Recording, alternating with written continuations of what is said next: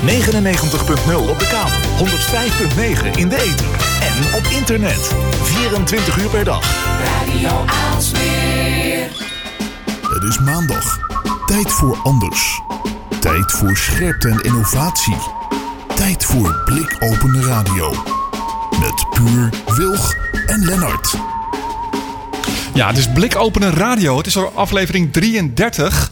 Ehm, en zoals jullie gewend zijn natuurlijk, is het vanavond ook weer een eh, bomvolle uitzending. Ze hebben te gast in de studio Herlof Schuurman. Hij is grafisch ontwerper met heel veel andere activiteiten. Eh, we zijn benieuwd eh, naar zijn open blik. En we gaan het onder andere hebben over de state of fashion. Ik dacht nog eh, passion, maar misschien zit er ook wel heel veel passion in. Eh, verder hebben we de column van eh Jillis, onze technisch bezieler.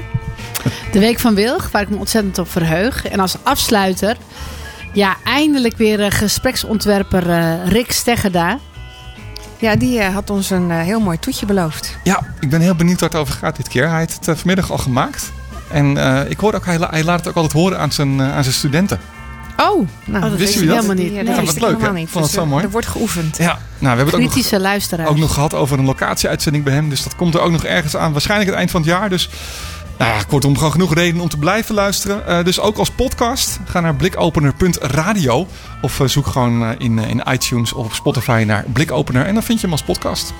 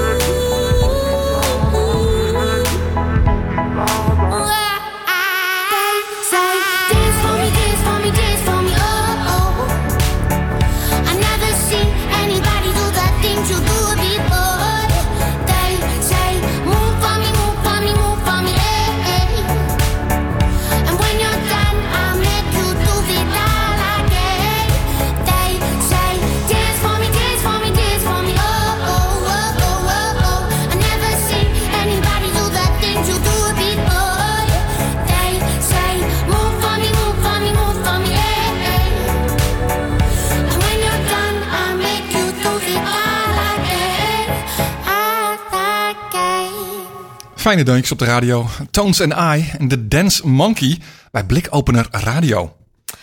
En ik uh, zit hier in de uitzending samen met uh, een hele mooie gast. Ik krijg trouwens van Jidders doordat we geen stream hebben. Zou dat kloppen? Kunnen we het even checken? Nou, dat zou heel spannend zijn. Ja, mag het, ja, mocht het zo zijn dat je dit uh, niet hoort, dan hoef je niks te zeggen, want dan hoor je het niet. Maar hoor je het wel? Hij heeft weer stream. Oh, hij heeft weer gelukt. stream. Okay, Opgelost, goed mensen. Zo. Opgelost. Geen paniek, geen paniek. Je hoort ja, onze zoetgevoiste klanken hier vanuit de studio's van, van Radio Aalsmeer.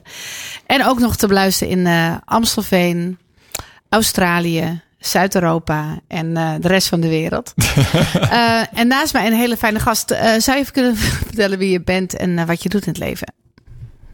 Ik ben Halo Vuurman en grafisch ontwerper. daarnaast, ik woon in Arnhem. Dat is even belangrijk omdat sinds 3,5 jaar vanuit Amsterdam zo heb ik puur ook leren kennen, natuurlijk. Ja. Uh, eigenlijk meer in Utrecht bij de Twitter lunches, maar oké, okay, zwaar. Is bijna Amsterdam. Um, en we uh, wonen dus nu in een heel in een oase met ondertussen zelfs kippen. Dat is de kippen-tv. Daar willen we later nog over hebben. over hebben, want er waren al vragen over op de Twitter. Ja. Wat is kippen-tv? En uh, een heel mooie hond, onze sierhond, waar iedereen uh, bijna zegt van nou, die neem ik mee. Oké, okay, dus lijkt op zijn baasje. Ja. Maar uh, wie ben je en wat doe je? Um, nou, ik kom uit het oosten, zoals jullie misschien horen. Dus ik ben eigenlijk oorspronkelijk uh, uit Duitsland ooit in Nederland binnengevallen als uh, grafisch ontwerper. binnengevallen. Dat mag. Ja. ja. nou ja. ik heb ook altijd gezegd, ik mag tegen mezelf mof zeggen. En uh, geen Nederland mag dat Lekker zeggen. Warm. Maar ik Moffen vond dat warm. wel oké. Okay. Ja, Moffen zijn warm. En ik vond het ook grappig om nu op een heel andere manier daarmee bezig te zijn. En in Arnhem ben ik onder andere ook rondleider voor Muses. En vorig jaar voor State of Fashion, daar zullen we het later nog over hebben. Ja. Maar op dit moment eigenlijk uh, waar Arnhem net de, de herdenking heeft afgesloten ja. voor 75 jaar. Slag om Arnhem. Uh -huh. Heb ik de eer als Duitser in Rosette alle basisschoolleerlingen, of tenminste steeds basisschoolleerlingen, uh, te vertellen over de oorlog. En dat is eigenlijk heel bijzonder vanuit zeg maar een heel andere manier vanuit het oosten juist niet het land binnen te moeten vallen, maar juist hier als gast te mogen zijn en te mogen, ja, gewoon zelfs nog over deze gruwelen iets te mogen vertellen. Dat is uh, waardevol. Heel aandoenlijk. Wat ja. is de Rosette? Rosette is de bibliotheek in Arnhem. In 2015 uh, gebouwd, een nieuw gebouw. Heeft een prijs gewonnen. En herinnert heel sterk aan uh, Oba in Amsterdam. Okay. Dus eigenlijk, uh, het is voor mij steeds thuiskomen in Arnhem. Dat Arnhem heel veel dingen heeft die je eigenlijk normaliter verwacht, die alleen in Amsterdam. Maar dat is niet zo. Ja, ik weet niet hoe het met jullie zit, maar ik heb ook een zwak voor Arnhem. Het is echt een prachtige, innovatieve wereld. Die trolleybussen vind ik altijd zo tof. Oh, ja, daar is ook, uh, die trolleybussen zijn direct na de oorlog gekomen. En ja. er is nu ook een tentoonstelling, want ze zijn nu 70 jaar in Arnhem. Wauw. En Nog een geleden. van die weinige steden die dat hebben gehouden, dat systeem. Ze Oh, waren op maar een gegeven moment Nederland, overal. Ja, maar er is nog volgens mij een andere stad in, uh, in de wereld waar dat nog weer uh, wordt toegepast. Zelfs Hamburg googlen? denkt daarover Oh, ja. na om dit systeem nu te etableren. Omdat ze heel verdrietig zijn omdat er een tram weg is. Oh, Ja. Dus, uh, Ik vind Arnhem altijd zo eh, heerlijk. Eh, eh, eh, ja, hoe noemen we dat? Mooi door lelijkheid. Dat er, dat er Oeh, de meest. koddig, ja, dus, nee, er staan namelijk de meest afgrijzelijke gebouwen. eh, vol glorie naast hele mooie eh, middeleeuwse gebouwen. En daardoor dat contrast vind, het contrast vind ik het wel weer mooi. Misschien Ja. ook zelfs wel een beetje innovatief. Ik weet het niet. nou ja, dat is... Dat, Vooral het stukje bij je Dudok, Dudok daar in het politiebureau. Klopt. Daar eh, is dat oude politiebureau, dat is echt afschuwelijk. Dat Ja. staat om de synagoge heen. Ja. En nu is al een voorstel geweest om misschien daarnaar te kijken, kan het niet weg? Want eigenlijk daarachter is een prachtige synagoge. Dan krijg je een Ja. plein bij de Eusebius terug. En eh 70 jaar eh, of 75 jaar na, de bom, bo- na het bombardement is de stad nu eigenlijk weer af. Ja. Het is weer middeleeuws dat eh Focus staat, een filmhuis naast de Eusebius. Dus het is een heel andere sfeer. Er wordt midden in de stad gebouwd. Ja, maar Helf, mensen die van buiten komen, hè, richting Arnhem, die, die zien het ook allemaal wat beter en scherper misschien. Hoe oud was jij toen jij van buiten hier binnenkwam hier in Nederland? Hoe oud was je en waarom kwam was- je hier? Ik kwam eh, in Rotterdam. Eigenlijk uh, ja, voor een Hamburger, ik ben in Hamburg geboren, Mhm. is dat eigenlijk de enige stad in Nederland waar je echt Water kan hebt. zijn. Water, haven. Terwijl die haven wel buiten is. Maar toch, er is een beetje je? haven. Toen was ik eh 32, 33, zoiets. Ja. En eh, ik was meteen verliefd op de stad en op de taal. Dus ik heb binnen een half, nou, binnen drie maanden heb ik, heb ik gewoon Nederlands gepraat. En bij Hard Werken, daar werkte ik toen. Echt een fantastisch bureau. Keken ze me echt zo aan van, hoezo? Hoezo praat hij nou Zo Nederlands? snel, hè, ja. Ja, want ze had het de hele tijd over Duits en Duitsland. En ik dacht, nou, nu wil ik het wel weten. Waar hebben ze het Ja. eigenlijk over? Hebben ze het over mij? Ja, ja, ja. Bleek niet zo te zijn. Maar Ja, het is een teken van intelligentie dat dat zo snel eh, gebeurt. En wat was hard werken? Wat voor bedrijf was Hard dat? Werken eh, was een heel befaamd ontwerpbureau van eh, wilde mannen voornamelijk. Eh Riek Vermeulen, die werkt nog steeds in Rotterdam, heel, heel fa- befaamd. Gerard Hadders, die heeft de huistuin gedaan voor het museum, kunstmuseum in Wolfsburg. En Tom Eh, van den Haspel, die eh, was een, eh, is een interieurarchitect, die heeft de Delta-werken één keer vormgegeven. Dat is nu niet meer, is volgens mij alweer hervormgegeven. Ja. Maar zo had je echt mannen die eh, voor heel veel dingen, de Tijger Award, dat zijn zij eigenlijk mee opgegroeid dat zij de, het Rotterdamse Filmfestival echt een taal hebben gegeven. Die eerste Tijger, die jullie nog terug kunnen zien. Ja, De Dus je- wat oudere. Die Dus je bent van huis uit ben je grafisch ontwerper. En, en ik hoorde net heel veel activiteiten. Dus ik vroeg me ook eigenlijk af: is dat nog steeds eh, je basisding? ding? of, nou, eh, het was heel lang niet mijn basis, want ehm, ik was zo'n beetje eh, eh, sinds mijn na de puberteit ben ik eigenlijk erg ingestoord en dat kwam nooit meer goed. Totdat ik vorig jaar eh, op advies eh, met antidepressiva ben begonnen. En sindsdien eh, heb ik opeens begrepen dat dat type dal iets in mijn hoofd is en niet echt. Dus dat is eigenlijk een eh, behoorlijke redding geweest. heeft dat te maken met creativiteit?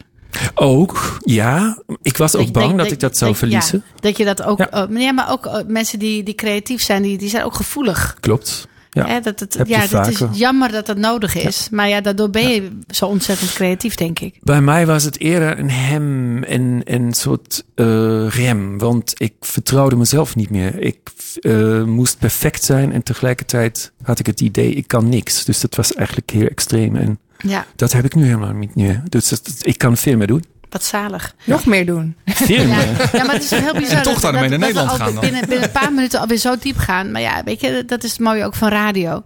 En dat je dus eigenlijk iemand hoort die heel veel prachtige dingen doet. Die ook ziet hoe mooi de wereld is. Die snapt wat mooi is en wat niet mooi. En dat je nu zegt van ja, eigenlijk eh, sinds mijn puberteit had ik daar last van. En nu is het gewoon... eh, Nou, het is heel grappig. minder. Ik ben eigenlijk eh, op een. We, we hadden eh, iets van 15 jaar geleden een huis ontdekt in Arnhem. Ik heb een heel stomme grap uitgehaald. Ik had gewoon gekeken. Wat is het grootste huis wat het minste kost in Nederland?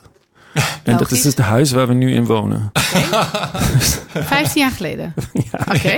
Het grootste huis dat het minste kostte. Ja, Ja. dat was gewoon een hele stomme grap voor mij. Ik dacht van, ik doe dat even. En toen kwam ik uit in Arnhem bij dat huis. Toevallig stond. En ja, nou ja, dat, Een opknappertje of gewoon... Nee, dat Niet niet, eens. eens. Maar het is een oude pastorie. En we hebben toen ook daarna gekeken en dachten, mijn hemel, dat kunnen we niet aan. Dat is echt eh, energieverbruik van Ja. wat wij in, An- in Amsterdam in één jaar hadden, hadden Ja. we daar in een maand. Ja. 1500 euro. Ja, ja, Dus we dachten, nee, dat Nee. beginnen we niet aan. Geen doen. Ja. En in 2015 kwam opeens mijn lief en zei, mailde me, kijk even dit. En toen was het dit huis. En ze zei, ja, ik kan het helemaal niet geloven. Ik ben helemaal verliefd. Ik Ja. dacht, meid, we hadden het besproken. Het was gewoon klaar. Niks meer aan hem. Eh, begin ik niet aan. Maar ja, binnen ongeveer een uur dat het bij mij bezonk, was ik natuurlijk om. Dus eh, we hebben, denk ik, binnen een week hadden we dat huis gekocht. Omdat we gewoon wisten en, wat en het natuurlijk is. heel veel knuffelen om warm te blijven hè, deze winter. Ehm, je zegt van ja, je, je hebt een pad gemaakt. Eerst bij hard werken. Ja. Toen ben je langzaam gevormd, denk ik, eh, als, als grafisch ontwerper. Eh, we hebben je eigenlijk gevraagd hier, omdat er ook een hele mooie ehm, eh, expositie was. Ja, vorig jaar. Kun je daar wat meer over vertellen? Dat was State of Fashion. Arnhem heeft eigenlijk een fantastisch besluit genomen dat ze om de vier jaar doen ze Zoonsbeek nu. Dus volgend jaar komt alweer de Zoonsbeek tentoonstelling aan. En is dat in die villa bovenop Dat die is, eh, berg? nee, dat is in het park. En eh, volgend jaar gaat het van het park helemaal naar Krullermulle. Oké. En eh daartussenin met twee jaar verzet, met twee jaar afstand, komt State of Fashion. Dus dat was vorig jaar de eerste editie. En dat is een beetje de opvolger van de Mode Biennale in Arnhem. Die was ook een groot succes in het begin. Maar na een aantal edities eh, lukt het niet meer dat financieel rond te krijgen. Ik Dus vind het zo'n mooi woord, biennale. Ja, vind ik ook heel mooi. Prachtig, hè? Ja. Ja, het was dus elk, elke twee jaar. En nou, op een gegeven moment was het ook zo. Het is niet zo'n grote stad. Het is de dertiende van eh, Nederland. Ja. En eh, dat is best wel pittig om zo'n grote tentoonstelling te organiseren. Het is ook heel kostbaar. Dus ze hebben nu een, een, een dat eh verleng, of zeg maar de afstand verlengd naar vier jaar. En de eerste editie ging over duurzaamheid. Dus dat was eigenlijk het idee. De mode-industrie is de op één na vervuilendste industrie. Wat kunnen we daaraan doen en hoe kunnen wat we anders mee dan? omgaan? Olie. Oh ja. Ja. dank je. Ja. Ja. Ja. Dus, eh, en, en, en ik werd daarvoor gevraagd als een van de vrijwilligers. Maar in, het, eh, in de loop van de tentoonstelling opeens ook als eh, rondleider. Omdat ze iemand nodig hadden die Duitse rond, Ja. Duitsstalige rondleiding Ja, en kon geven. Ja. En toen eigenlijk, sinds eh, State of Fashion ben ik opeens in dat rondleidercircuit gekomen van de professionele rondleiders die gewoon betaald krijgen. Mhm. En bij Muses ben ik weer rondleider waar ik eh, betaald krijg via theaterkaartjes, maar dat is gewoon Ja, maar passie. Helf, als we het dan hebben over ehm, die vervuilende industrie en het thema van eh, de biennale, of in ieder geval nee, van de fashion, Het- eh, State of Fashion. State of Fashion, het is Eh, eigenlijk wat, een wat hadden zij quadrinale. voor oplossing? Quadranaal, ja, ook zo. Ja. Ja. De oplossing is ten eerste eigenlijk heel simpel. Dat kunnen we allemaal met z'n allen doen. En dat zegt Vivienne Westwood ook. Naakt. Niks meer kopen. Oh, Want onze kasten zijn allemaal vol om puilen uit. ja. Vivian Westwood is ontwerpster, dus die Ja, zegt en eigenlijk, zij koop had- mij niet. Ja, ze zegt voordat je niet zeker weet hoe het geproduceerd is en of je het ook echt nodig hebt, Ja. hoef je eigenlijk niks. Want al onze kasten puilen uit bij bijna iedereen. Sterker nog, wat ook onderzocht is, heel vaak kopen mensen een t-shirt en dragen het niet eens. Het gaat nieuw met label aan in de kleden, eh, eh, kleden, Ja. eh, kledingbak. Ja, precies. Nou ja, bij mij dus niet, maar bij andere Nee, mensen maar wel. dat eh, Ja. komt dus heel vaak voor. Dan ben jij al heel bewust. Nou maar, ja, ik draag geen t-shirts. Nee, reden. Staat me niet. Goeie. Maar in ieder geval. dus dat was een beetje anders. Nee, maar ik, ik snap wat je bedoelt. Ja. Ik, ik kan me van, van, van, bijvoorbeeld van eh Lennart herinneren. Dat op een gegeven moment ben jij een paar maten eh, opgeschoven. Gelukkig de goede kant op. Ja. En toen heb jij je oude kleding een ander leven gegeven. Ja. Wat had je ook weer gedaan? Eh, Dress for Success heet dat in Amsterdam. En dat is een winkel waar mensen die ehm, financieel niet heel ruim hebben, ehm, zeg maar gratis kleding, kleding kunnen krijgen, ook daadwerkelijk, waarmee ze kunnen solliciteren. ja, Dat is prachtig. perfect. Prachtig. En Ja, het, vergroot de kans, het vergroot de kans voor een baan. En de winkel ziet er ook echt uit als een echte winkel. En je wordt ook Ja. behandeld als in een echte winkel. En je hoeft niet te betalen als je zeg maar, daarvoor in aanmaking komt. Ja. En ik weet niet hoeveel mensen dat waren, maar het was echt, echt heel nobel. Vond ik heel mooi. ja. En gelukkig ben je nog steeds in dezelfde vorm. Ja, ik hoef niet terug. En, en eh, dus eerste tip is: koop niet meer. Ja. Nou Of koop bewust. eh, koop, Ja, koop heel bewust en denk daar ongeveer vijf keer over na voordat je een kledingstuk denkt weer te moeten kopen. En heel vaak is het nu ja, via online even bestellen en dan weer terugsturen omdat het niet past of niet bevalt. Ja. Dus dat eigenlijk ook wat heel veel CO2 ook nog opwekt naast de hele productielijn. Ja. Ja. Het is belachelijk wat er allemaal aan pakketjes wordt En gestuurd. wat je zag, ehm, dat er diverse ontwerpers werken met eh, en heel duurzaam, eh, soms heel vegan, dat ze eigenlijk helemaal geen eh, dierlijke producten gebruiken. Dat oh, kan. vegan. Ja, dank je. Ehm, Vegetarische kleding. maar ook- glutenvrij. Ja, precies. En anderen die dan weer werken met heel exclusieve kleding waar ze uitleggen. Er was één eh, ontwerper die echt precies uitlegde waar elk stuk vandaan komt en wat het allemaal kost. Dus eh, als er iemand een kledingstuk kocht van hem, wist hij precies van waarom dat zo duur was. En daar zat gewoon drie keer zijn ontwerptarief Mooi. in. Dus dat was gewoon heel transparant. En iedereen stond er eigenlijk van te kijken dat hij dat deed. Dat Ja. is echt... eh, Ja, maar kijk, maar duurder maken is natuurlijk niet de oplossing voor mensen die uit Amsterdam. Nee, eh, dit is ook meer iets voor de exclusieve markt. Ja. En ehm, wat altijd helpt is eigenlijk wat Lennart al zei. eh, tweedehands. Ja, Dat is natuurlijk recycling. Fantastisch, want het zijn vaak heel mooie, prachtige kleren. Die Ja. ook maar een enkele keer zijn gedragen. Ja, of je eigen kleding upcyclen. Dat ook. Was ook Dat in de tentoonstelling te zien. nogal Klopt. eens, maar, ja, hele eh, goeie. Er gaan natuurlijk dingen die, die bewaar je een paar jaar en dan is het eigenlijk weer in de mode, maar dan net iets anders. Ja. En dan kan je heel simpel kan je daar weer iets mee doen. Klopt. Of eh, een langere rok afknippen tot Ja. een kortere. Of, eh, dat, Kijk, het mooie is dat als je maar lang genoeg leeft, dat dingen, hele lelijke dingen weer in worden. Klopt. Ik was eh, op babyvisite vorige week en toen ja, zag ik een dochter van een vriend van mij. En die had zo'n zo'n vriendje met een vlassig snorretje.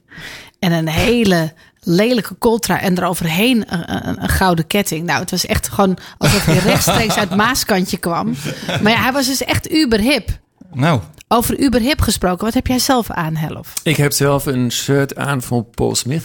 Oké. Vind ik heel mooi. Heb ik ooit in een uitverkoop hier in Amsterdam gekocht. En hoe omschrijf je dat als grafisch ontwerper? Wat, wat is de verdieping hierin?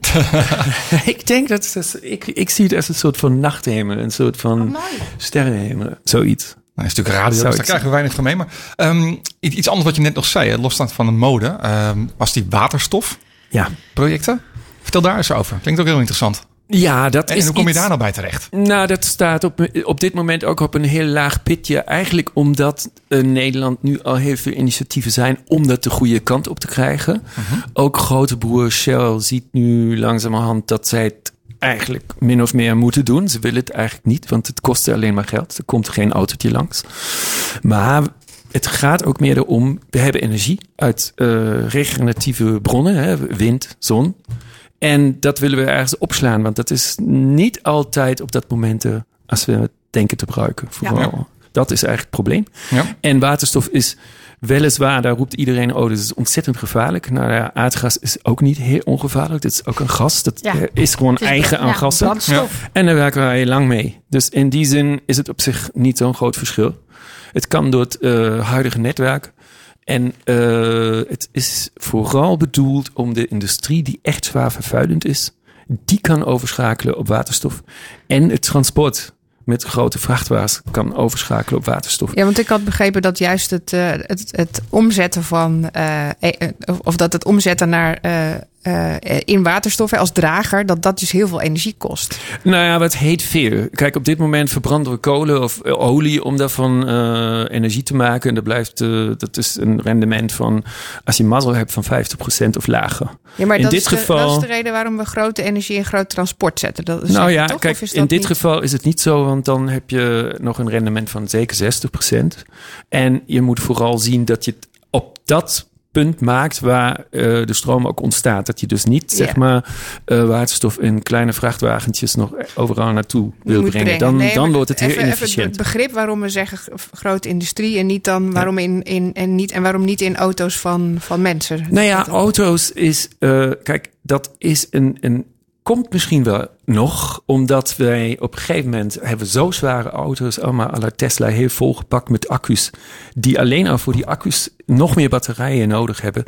En dat is een, een kwestie van wat zijn we eigenlijk aan het doen om een Ja. lichaam van 70 kilo met een suf van 3 ton te vervoeren. Dat slaat eigenlijk nergens op. Dat, Dat is goed de gedacht. filosofie. ja. Ja, Die, die, die, wij, wij, wij denken verkeerd op dit moment waarschijnlijk. ja. Eh, Dus wat wat meer. is jouw ehm, ehm, ja, ja, je rol? Of wat, wat, wat maakt dat je hier zo druk om maakt? Of dat je hier zeg maar, betrokken in bent? Nou ja, ik zie dat we nu een klein meisje hebben. Nou, ze is al 16, dus ze is al een grote meid. Die het verhaal van Andersen gewoon echt in, in het echt uitbeeldt. Zij wijst op ons allemaal, dus ook op mij.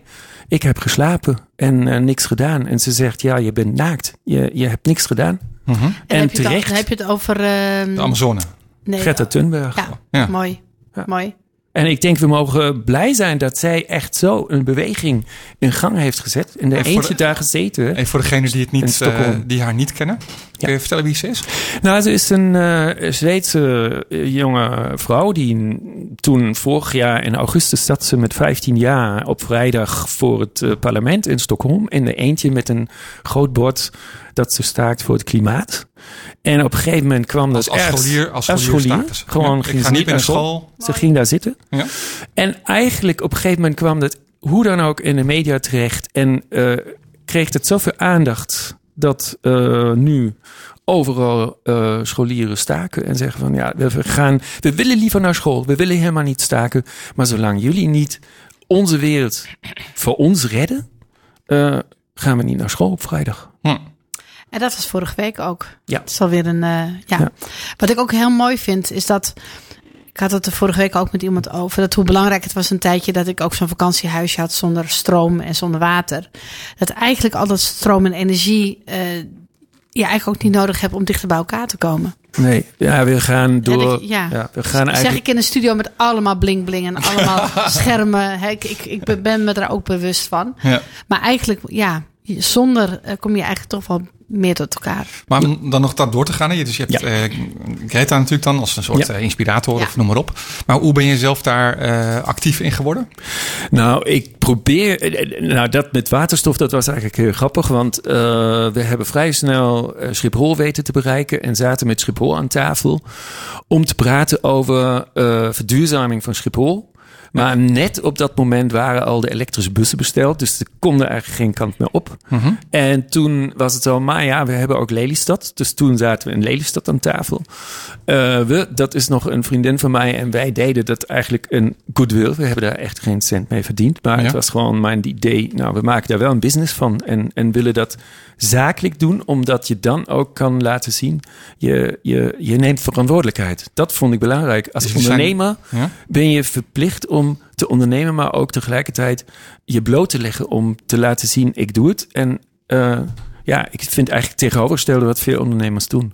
Hm, grappig, maar je bent, je, jullie verhuren jezelf als consultant op dat gebied. Moet ik het zo ja, zien? dat was, nou ja, op zich wa- was het in eerste instantie het idee om zelf een hele lijn op te zetten, waar je gewoon kan tanken voor auto's, maar mij wurde, werd ook steeds duidelijker, ja, met auto's alleen ben je er niet. En dat is zo groot, het onderwerp, daar kun je veel meer mee. Ja. En ik ben zo klein, een van die grijze mannetjes die daar over rondloopt bij Ja. waterstof. Calimerootje. En ik vond het een beetje gênant. Dus ik heb eh, dat een beetje on hold gezet, omdat ik dacht, nou, ehm, ik weet er wel veel van af, maar en of iemand wil het niet weten, en of het, er is geen geld. En, en er waren gewoon heel veel weerstanden om daar iets mee eh, te, te doen.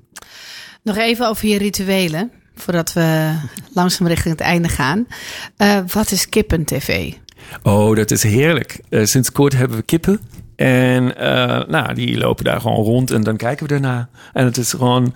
Ik wist niet dat kippen zo grappig zijn en zo leuke beesten. Het zijn gewoon waanzinnige beesten. Echt ongelooflijk. We hebben één ziek kippetje. Oh. Dus ik moet hem eh, de hele tijd antibiotica geven en een, nog een ontstekingsremmer. Dus ik ben echt met iets bezig.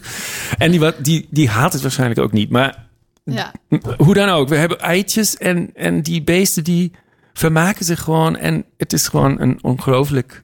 Wat ik zo inspirerend geks. vind, is dat ja, je bent heel erg bezig. Hè? Je, bent, Ja. je, doet, je, je je hebt heel veel vormen. En dat je uiteindelijk toch nog je best gaat doen om, om de wereld een beetje beter te maken. Dat vind ik wel heel mooi. Ik denk dat dat gewoon eigenlijk iedereen kan. En, en ik denk dat het. Nu is het zo'n. ehm, Zo'n gevoel van het gaat over links, rechts of wat dan ook. Maar eigenlijk kunnen we het allemaal als we daarover nadenken. Wat doen we eigenlijk? En vooral als je nagaat dat mensen die bijna geen geld hebben, die geen cent hebben, die zijn voor het milieu het beste omdat ze geen auto kunnen rijden. Ze kunnen niet met vakantie. Ze kunnen al die dingen niet kopen. Ja. Ja. En zij zijn eigenlijk heel goed voor het milieu. Dan denk ik, jeetje, dat is eigenlijk best wel pittig voor ons die de luxe hebben van een autootje en al die dingen Ja. met en het grootste huis voor de kleinste prijs. Dat soort dingen, ja. hoe, groot, hoe groot is dat grootste huis van Nederland voor de kleinste prijs? Eh, het was toen 520 en nu is het 100 vierkante meter minder geworden. het was een meetfoutje. Maar Oké, een klein foutje. Als we jou, eh, meer over jou willen weten, hoe, hoe krijgen we jou te pakken op het eh, www? Nou, eh, ik ben sowieso op Twitter aanwezig. Daar vinden jullie me altijd. Facebook heb ik even stilgezet. Maar. Twitter is gewoon ATN8 at night. Ja. Is dat eigenlijk dat idee? Eigenlijk een beetje dubbel op. Ik heb er niet over nagedacht, maar het is eigenlijk at at night. Nou, toen ging me ook veel te laat. Had ik dat door? Beetje dom, maar oké. En eh, voor de rest, eh, mijn website is herlof.com. Die moet dringend door Bas eh, worden Ja, Herlof, aangepast. Die is Bas heel Boerman, oud, als je heel luistert. heel Ja, antiek, dat weet hij ook. Ik heb al twee keer met hem gepraat. Ja, dus, ja, dat Nou, soort dingen. Ja, prachtig. En eh dankjewel. En ik hoop dat je nog even meepraat en meeluistert. is goed. En we gaan eh, afsluiten met een eh, plaatje wat je zelf aangevraagd hebt van Ariana Grande. God is a Woman. You, you love move you. You love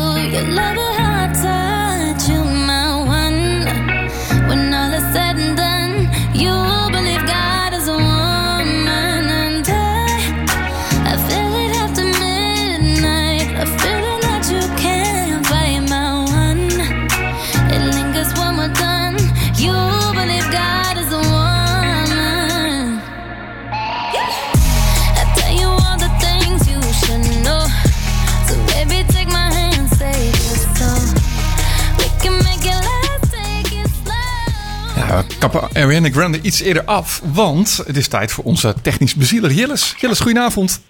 Hey, fantastisch goedenavond. Kijk, Hey. nou, dat klinkt lekker positief. Zo Goedenavond. is dat.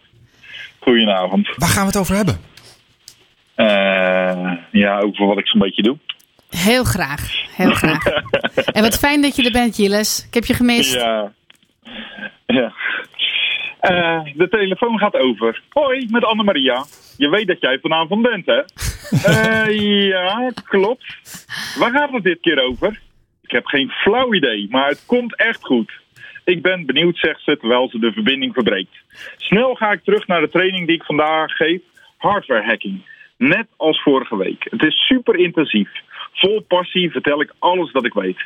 Ik leer de deelnemers hoe ze toegang kunnen krijgen tot apparaten, maar ook hoe ze apparaten beter kunnen beschermen. En ondanks dat eh, het nogal een technisch verhaal is, zijn er veel verhalen bij. War stories. Mijn vader had een groente, fruit en eh, levensmiddelenwinkel. En elke keer als ik weer iets aan het onderzoeken was, sprongen de stoppen en stond iedereen in het donker in de winkel. Het klonk dan, Jilles! Net als de hele oude serie Emiel, eh, Ja. die allerlei kattenkwaad uithaalde. Omdat mijn opa een knipperlicht had gemaakt en eh, op basis van een starter.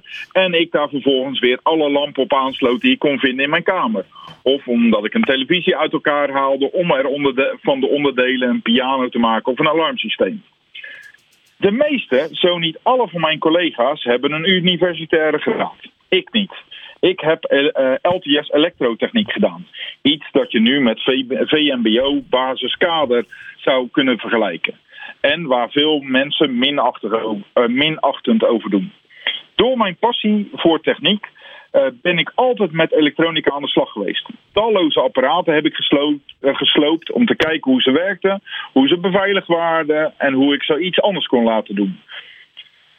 En nu is mijn hobby mijn werk. Nu leer ik andere mensen hetzelfde te doen als ik kan. Bedrijven huren mij in om hun security te testen. Hoe gaaf is dit? Als ik een advies mag geven, doe dan datgene dat je intens gelukkig maakt. En word daar de allerbeste van de wereld in. In plaats van te kiezen voor een populaire job of een veelbetaalde job. In de jaren 90 was het gebruikelijk om mensen te, eh, verleiden tot het, eh, om het werk te doen waar ze geen zin in hadden. Met een dik salaris, een snelle auto, een gsm en een laptop. Leuk voor even, maar uiteindelijk zal het je op, opbreken. Gisteren hing ik de was op. Ik zag twee t-shirts. Een Dungeon Master shirt en een Responsible Disclosure shirt van het OM. Beide in hetzelfde maatje. Sylvia en ik zijn dankbaar voor onze tweeling, Jelle en Jurre. En ondanks dat ze op het zicht enorm op elkaar lijken, zijn ze zo verschrikkelijk verschillend. En dat is maar goed ook. Het zijn twee individuen. Daarom kies ik er bewust voor om samen common ground te vinden. Voor Jurre is dat taxichauffeur spelen als hij naar een interview eh, moet in zijn nieuwe rol als ambassadeur voor Mediamasters.nl. Een super vette game voor kids in groep 7 en 8 en in de brugklas. Eh, en je kunt je ervoor inschrijven met je school. Je leert er een hoop over mediawijsheid. Met Jelle ga ik komend weekend naar Tomo Fair. Waar we hopelijk eh, samen in vol ornaat verwondering kunnen oogsten van de aanwezige bezoekers. Ik vind het super gaaf dat ze zo verschillend zi- zijn. Ik ben trots op allebei en ik kan niet wachten op wat de toekomst gaat brengen. Zei ik nou common ground? De gemeenschappelijke basis, maar ook dezelfde groundpin vinden in een elektronisch circuit. De basis van het hardware hacken. Gepassioneerd vertel ik de deelnemers van de training over de plusklas die ik ooit deed voor de leerlingen die meer uitdaging nodig hadden. Trots ben ik over wat die erg jonge kids toen allemaal al eh, wisten of geleerd hebben. Sommige eh, dingen gaan we hier ook doen tijdens deze training. Het voelt alsof de cirkel weer rond is. sommige van die kids, die zie ik zo nu en dan. Nog steeds vertel ik hoe trots ik op ze ben. En nog steeds zie ik ze daarover stralen.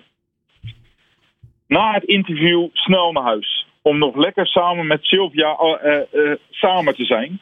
Want niet alleen Tomover staat op de planning, maar ook ETA 0, Locom, Fist League, CC en nog vele andere events die van vrijdag tot en met zaterdag duren. Dat was hem.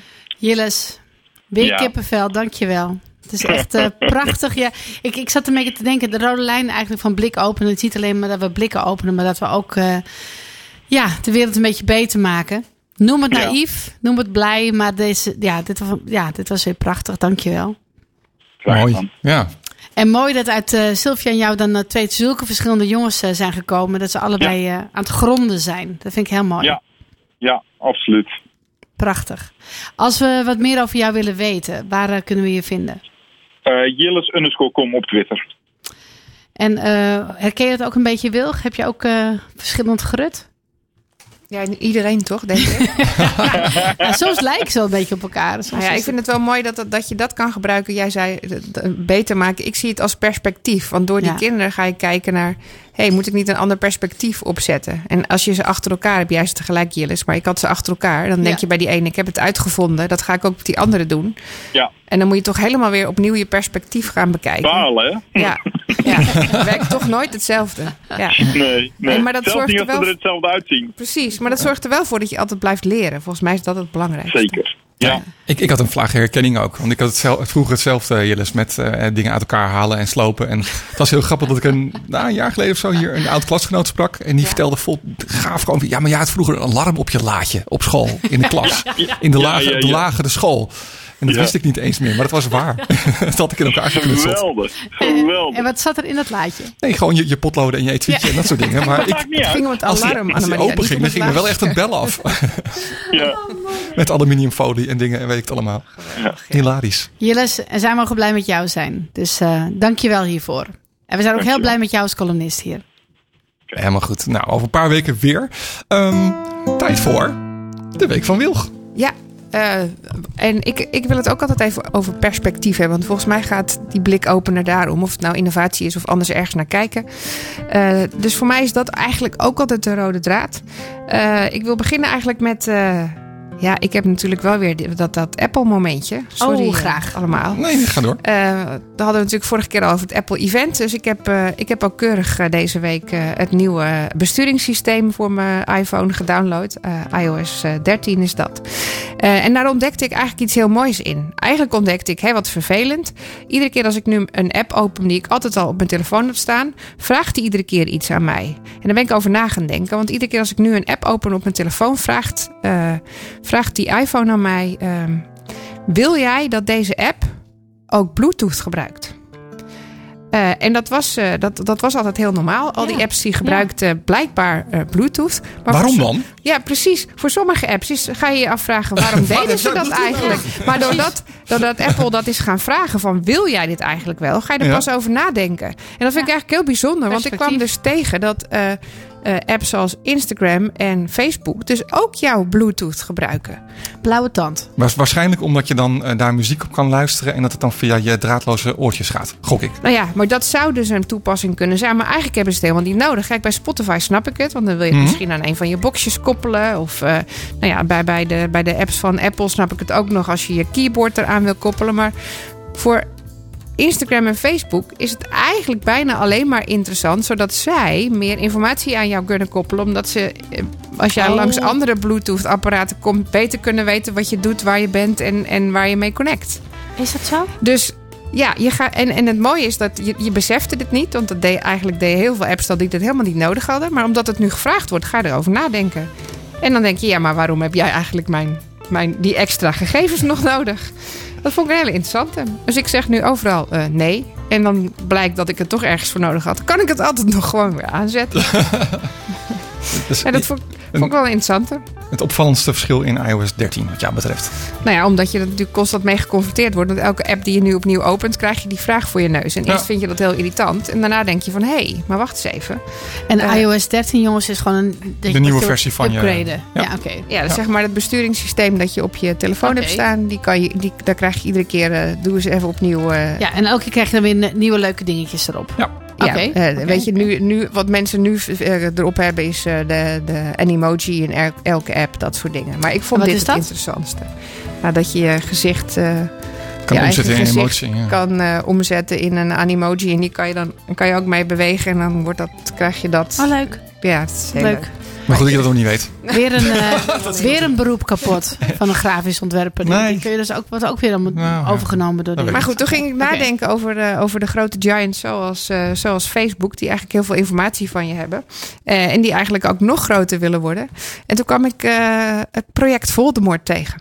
Ken ik niet. Ik ken heb wel je Voldemort niet? natuurlijk, Ja. de man zonder neus. Eh, nou ja, eh Voldemort is, is, eh, is een, eh, een document of een dossier eigenlijk. eh, dat Snapchat begonnen is. Eh, een aantal jaar geleden. En waar nu eh, informatie over vrijgekomen is. Eh, Snapchat die, die heeft het al jaren moeilijk.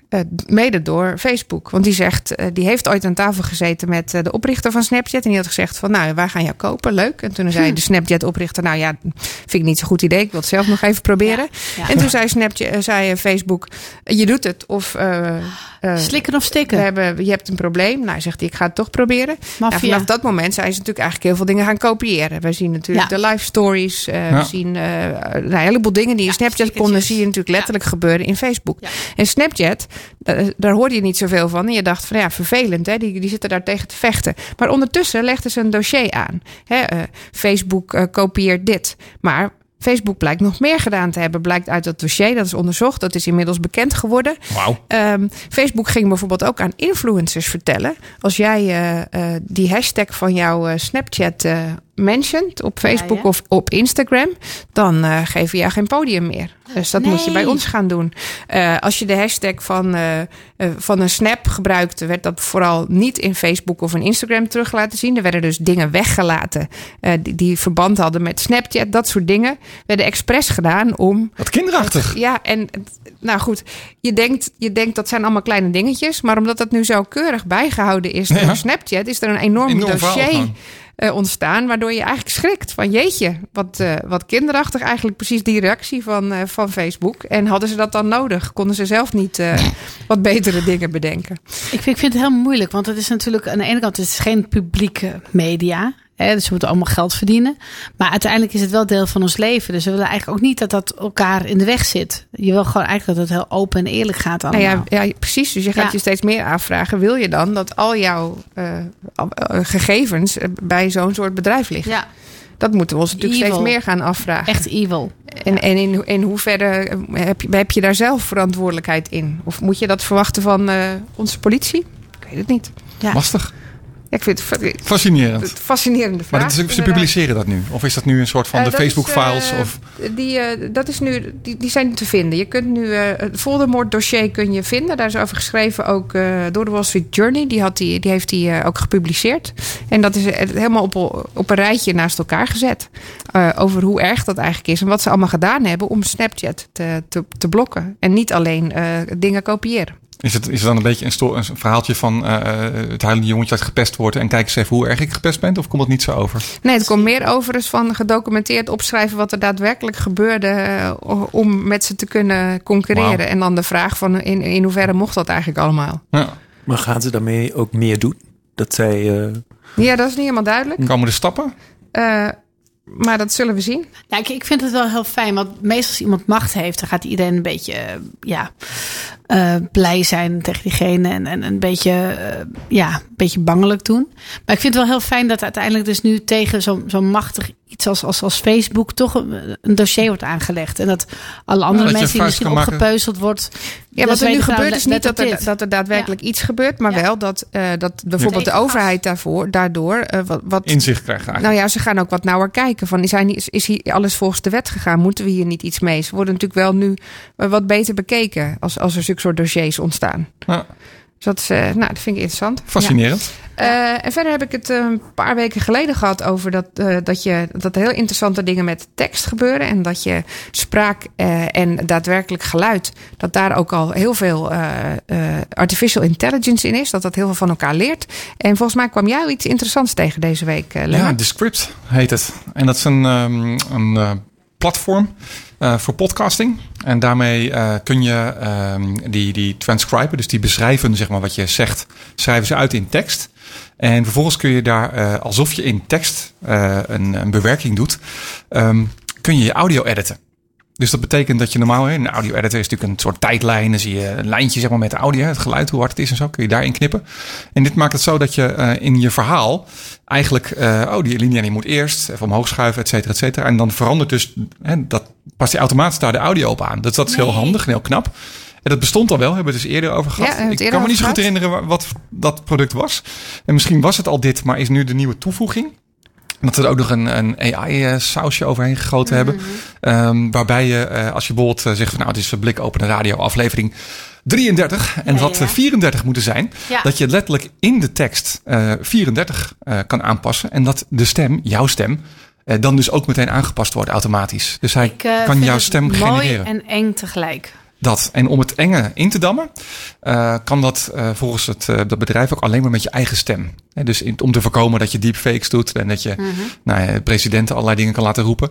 ehm, kan het alleen met je eigen stem en moet je ook een soort trainingslijstje woorden of dingen, zinnetjes. Ik heb het niet geprobeerd nog, maar Maar zo'n techniek. Maar je goed, dan kan je mij dus eigenlijk ook een hele andere zin laten zeggen. Als je mij in de tekst een andere zin geeft. ja. En jij dat ook ingesproken, jij die test gedaan hebt, of Ja. er doorheen gelopen Ja. bent, dan zouden we dus dat kunnen aanpassen. En dan zou je op die manier dingen eruit Maar kunnen dan halen. had ik dat niet gezegd. Nee. Nee. Dus ja, stiekem hebben we deze uitzending ook geknipt. Nee, het was een hele andere aflevering. Nee, maar dat is dus wel ja, frappant waar het naartoe gaat ook. Ja. En wat, wat daar dan de, eh, de toekomst in is. Ja, dan moeten we eigenlijk constant dat ethische maar gaan afwegen van is dit, is Ja. dit wel waar we naartoe willen? Ja, Nou, wat ik zo moeilijk vind, is op een gegeven moment heb je, je geeft een soort autoriteit aan dingen die op televisie komen, op de radio of die je kan lezen.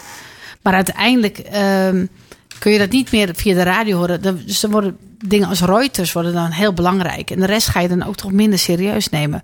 Tenzij iets echt verified is.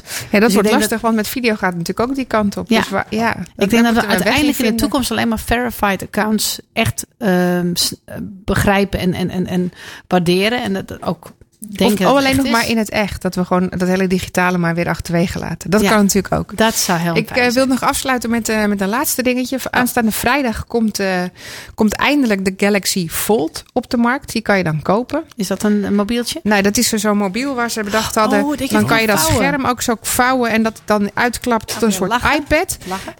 Eh, het, het ding is, gaat rond de 2000 euro kosten. En je moet er nog wel heel voorzichtig mee doen. Want omdat het scherm kan vouwen, kan Ja. die alleen eigenlijk maar van plastic zijn. En is die dus niet heel erg krasvrij, waterdicht of, of, of, of eh, stootproof. Ja. Eh, het- dus het is vooral een soort van. eh, Patsen. nou ja, Patsen. werkt dit? Willen mensen dit? En, en hoe gaan Ja. we daar dan mee om? Nou ja, het is in ieder geval wel een, een leuk, leuk iets, een conversatiepuntje. Als Nee, ik, ben, ik ben wel benieuwd. Ik ga hem niet kopen, komt. maar naar diegenen die hem dan toch gekocht hebben, ben ik wel Ja. benieuwd hoe dat dan werkt. Mocht je er eentje hebben, kom even langs hier in de studio. Ja wel leuk. goed idee. Doe even gewoon eh, via Twitter even laten weten of zo. Of een mailtje naar ehm uh, info.blikopener.radio. Goed idee. Ehm, inmiddels aan de telefoon onze gespreksontwerper Rick Steggerda. Rick, goedenavond. Goedenavond, hallo. Hey Rick, Hoe is het daar? Eh, het is goed. Hier.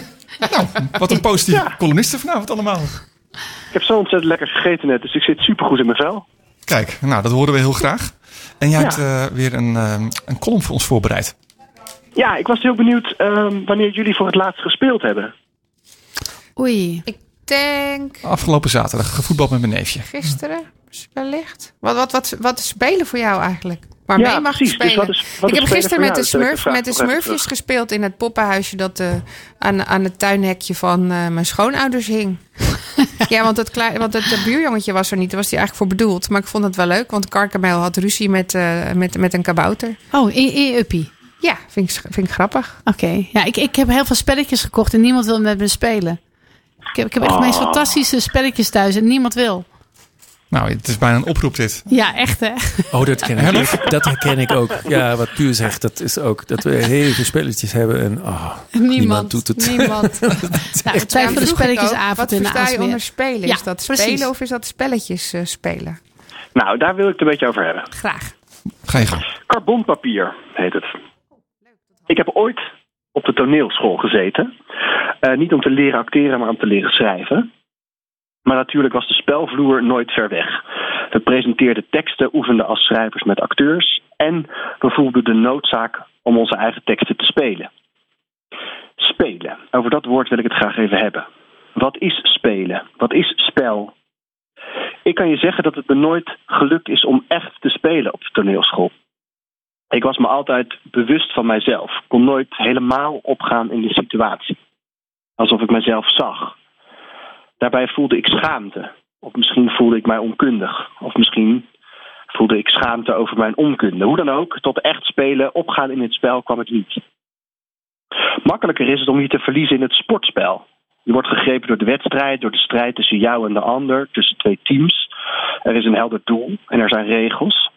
Je verliest jezelf soms, juicht bij de fout van iemand. Je laat je uitdagen en provoceren. Je provoceert zelf ook. Je bent anders dan anders door in het spel. En als het spel afgelopen is, zindert het nog na.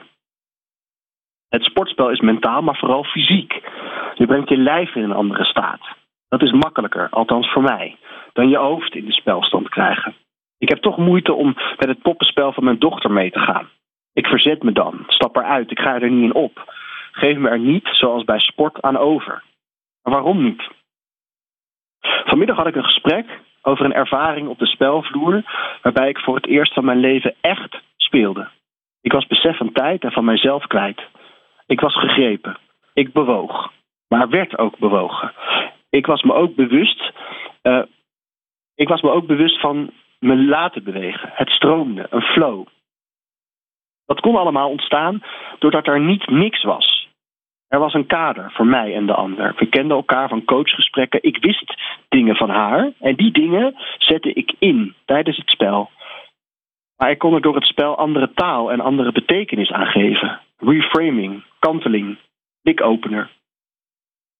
Ik leerde vandaag dat spelen voor mij een waarde krijgt en mogelijk wordt als de waarachtigheid daar een rol in mag spelen. Spel is voor mij niet losgezongen van de werkelijkheid, geen blanco vel dat gekleurd moet worden. Spel is een carbonpapier. Ik maak er een bepaalde afdruk van de werkelijkheid met de werkelijkheid mee. Die twee werkelijkheden, de spelwerkelijkheid, de afdruk en de relatie gaan een relatie met elkaar aan. En als het spel afgelopen is, zinderen nieuwe handelingsperspectieven na.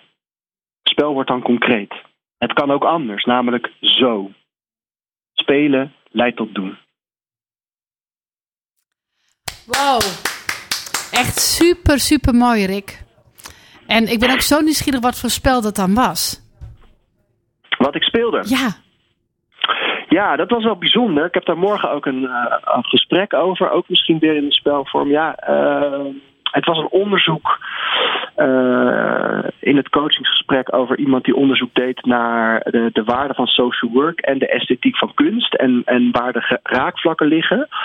Ehm, en eigenlijk zijn we met die coachvraag de vloer opgegaan. Dus ik had gevraagd of zij een aantal voorwerpen mee wilde nemen. Ja. Ehm, en dat nam ze mee. En toen zijn we eigenlijk een, eh, een theaterruimte ingegaan. En daar hebben we eh, gespeeld. En je schaamde je niet? En je, je, je- Nee. je- wat mooi, wat prachtig. Ja, dat was te gek. Het was een hele bijzondere ervaring. En ik heb daar echt veel over geleerd over hoe spel dan echt nieuwe betekenissen kan, eh, kan genereren. Maar ik heb daar dus een, eh, ik heb daar de werkelijkheid bij nodig om die in te kunnen zetten in het spel.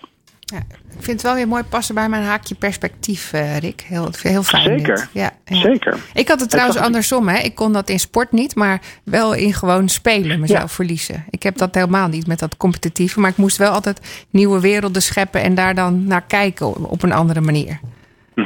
Het liefst in de Mhm. Zandbak en zo. Dus daar gaat het volgens mij over. Of daar ging de column volgens mij voor mij over. Wat heb je nou nodig zelf op dat spel Ja. te komen? En dat is Ja. voor mij voor iedereen anders. Ja, Ja. een plek. En, en, en ik vond het woord waarachtig ook heel mooi. Dat is ook een van mijn lievelingswoorden. Heel, heel, heel fijn. Als mensen wat meer over jou willen weten, waar, waar vinden ze jou op het wereldwijde web? eh degespreksontwerper.nl en eh, op Rick Steggerda op Twitter. En tegenwoordig En ook spelontwerper dan, of niet? Spelontwerper. Ehm, nou ja, nou dat niet. Ehm, maar ik vind wel, ik, ik heb wel echt. ehm, eh, nou, morgen dat gesprek dat ik heb gaat wel over hoe je nou eh, ludische spelvormen in kunt zetten tijdens coaching. Ja, en, en wie er dan wat nodig heeft om daartoe te komen? Nou ja, door eigenlijk ehm, het, het idee erachter is de- welke vorm je er ook voor neemt, door een, eh, een spelsituatie te nemen of een situatie naast de werkelijkheid te zetten. ehm, ehm, dat haalt je even uit je normale blokkade, uit je normale wereld. En je kunt dan via het spel een andere ingang vinden. Klinkt een beetje als mijn leven, dank je. Het is echt heel, heel fijn. Het is echt heel fijn, dank je. Annemarie Dit zit is, alleen maar eh, te knikken ook ik zit op goede, ja, goede, goede weg. Ontzettend bedankt weer, Rick. Fijn dat je Graag bij de club gedaan. bent. En eh, tot snel. Tot snel, hoi. Wat hebben we allemaal geleerd, jongens, tijdens eh, dit prachtige uurtje? Oh, variatie. Het, eh, ik vond het heel mooi dat het alle, alle kanten op ging. Ja, ja dat, dat was wel... Dankzij onze gasten ook precies, uiteraard. Ja. Waarvan ik eerst dacht, Veelzijdigheid. jeetje, wat doet hij veel? Ja. Dat je jezelf ook uit, eh, ja, uit het moeras weer op kan trekken, vond ik ook heel mooi. Dat is belangrijk. En, alle, Ja. En Ja. dat uiteindelijk, ja, dromen die je ooit had 15 jaar geleden ook uit zijn gekomen. En blijven spelen. Dat Ja. is echt eh, het, eh, een, een soort van basiswet wat we allemaal moeten doen. Spelen. Ja, moeten. Ja. is eigenlijk helemaal niet spelen. Gewoon spelen. Zonder moeten. Bijna het cirkeltje weer rond. Hè? Met hoe we Ja. begonnen en hoe we eindigen met, eh, met de column. Column van Rick, eh, ook de column van Jilles. Ging er eigenlijk ook wel een beetje over. Hè? Over je Jezelf passie vinden en jezelf eh, opgaan in, eh, in je passie. En eh, daar uiteindelijk ook nog zijn werk van kunnen maken. Heel erg mooi. Ehm, Als je nog meer geïnspireerd wil worden, kijk gewoon even terug. Ja. Of luister de podcast terug. ja, blikopener.radio staan alle links. En volgende week zijn we er weer.